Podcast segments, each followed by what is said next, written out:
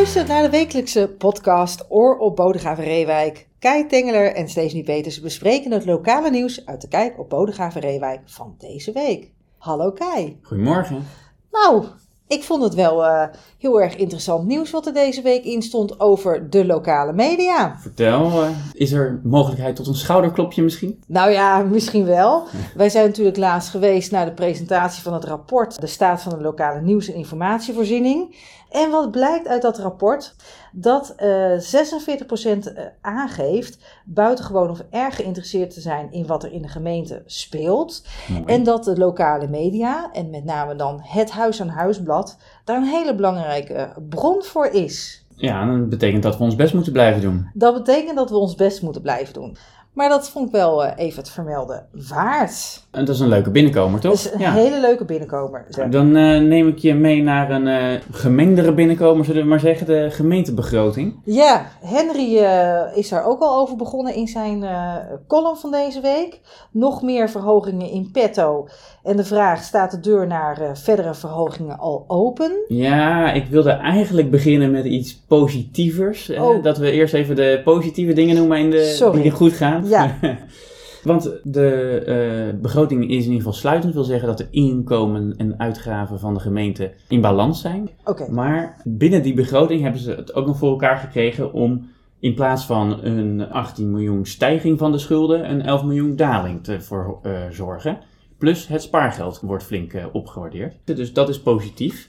Er wordt werk gemaakt van een versnelde eh, woningbouw met soort tijdelijke woningen die er dan voor een, een 10, 15 jaar moeten gaan staan. Eh, er wordt verder gewerkt aan de kansengelijkheid in het onderwijs. Er staan scholen op de planning voor nieuwbouw. Dat is allemaal mooi.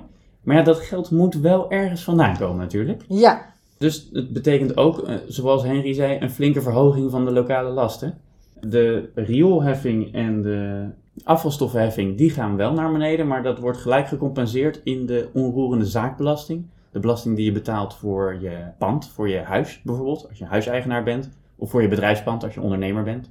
Die gaat namelijk eh, volledig over de kop. Er komt eerst nog een inflatiecorrectie bij, omdat de inflatie afgelopen jaar zo hoog is geweest. Er komt alvast een inflatiecorrectie voor eh, volgend jaar, omdat die waarschijnlijk dan ook weer hoog is. Plus nog een extra verhoging gewoon omdat het kan. Dus dat betekent dat het gemiddeld voor woningbezitters 24% meer wordt. En voor ondernemers zelfs 31%.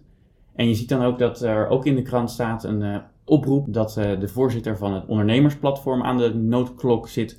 Omdat hij zegt, ja, dit, dit is voor ondernemers een, een verschrikkelijk probleem in een tijd dat ze al enorme hoge energieprijzen en grondstoffenprijzen hebben. Nou, dat kan ik me heel goed voorstellen. Wat ik me trouwens altijd wel afvraag is... in hoeverre kunnen die prijzen, eh, die belastingen, maar blijven stijgen? Want op een gegeven moment zit je wel aan de max, lijkt mij. Nou ja, ja de sky is the limit in principe. Eh, Ja. Maar je kijkt natuurlijk wel naar hoe doen andere gemeentes het. Ja, Sommige belastingen waren in Bodegraven-Reewijk nog niet heel hoog, maar die zijn inmiddels wel behoorlijk hoog. Eh, of in ieder geval on par met de rest van, van Nederland en van de regio. Alphen heeft bijvoorbeeld relatief lage lokale lasten voor ondernemers.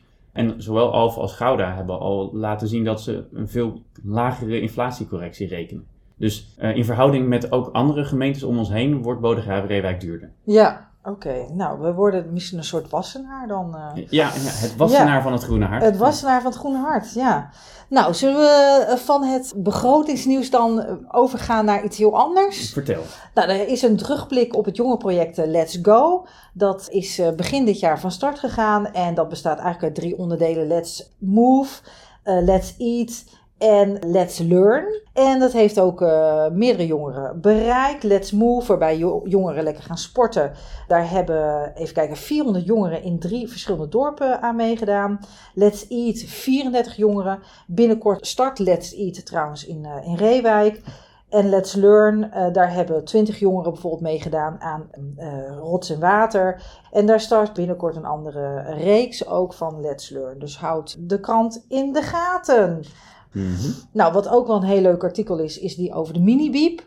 Dat zijn eh, van die boekenkastjes eh, langs de straat weg. Vaak in de tuin van iemand eh, die nou ja, er allemaal boeken in zet of waar mensen boeken in kunnen zetten. Maar het allerbelangrijkste is natuurlijk dat je er een boek uit kunt halen. Ja. En zeker met de herfst, de donkere dagen, de wat koudere temperaturen is het heerlijk om met een boek op de bank te schuiven. Ik vond het prachtig om te lezen hoe gepassioneerd deze mensen waren over hun minibiep. Ja, nou ja, het is ook wel heel erg leuk. Ik maak er zelf ook wel eens gebruik van. Ik weet niet of jij wel eens een boek Zeker, uit de minibiep eh, pakt. Maar eh, ja, naast de bibliotheek, het kopen van een boek, eh, is de minibiep een heel leuk eh, alternatief. Heb je nog meer in petto? Nog meer in petto. Nou, we hebben nog een, eh, een uitagenda. Mhm. Waar we even een paar dingen uit belichten. Er is een danscursus in Waarden op 14 oktober. um, gaat die van start. En degene die de dansles geven, die heb ik laatst in het, eh, in het journaal gezien. Want die meneer die is al best wel op leeftijd. Mhm. Die heeft een hele tijd niet gedanst. En die is nu weer begonnen met heel veel passie. Dus dat is super leuk natuurlijk. Oh.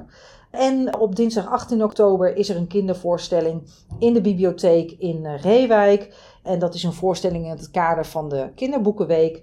En het thema Giga Groen. En kinderen moeten zich wel even van tevoren opgeven. Dus dat was het eigenlijk. Een mooie krant weer. Zeker, genoeg te doen, genoeg te lezen. Blijf hem ook vooral lezen, zou ik zeggen. Dit was de podcast van Kijken Bodegraven Reewijk. Meer nieuws op kijkopbr.nl. Volg Kijken Bodegraven Reewijk ook op Facebook, Instagram en Twitter. Ik zou zeggen tot volgende week. Tot volgende week.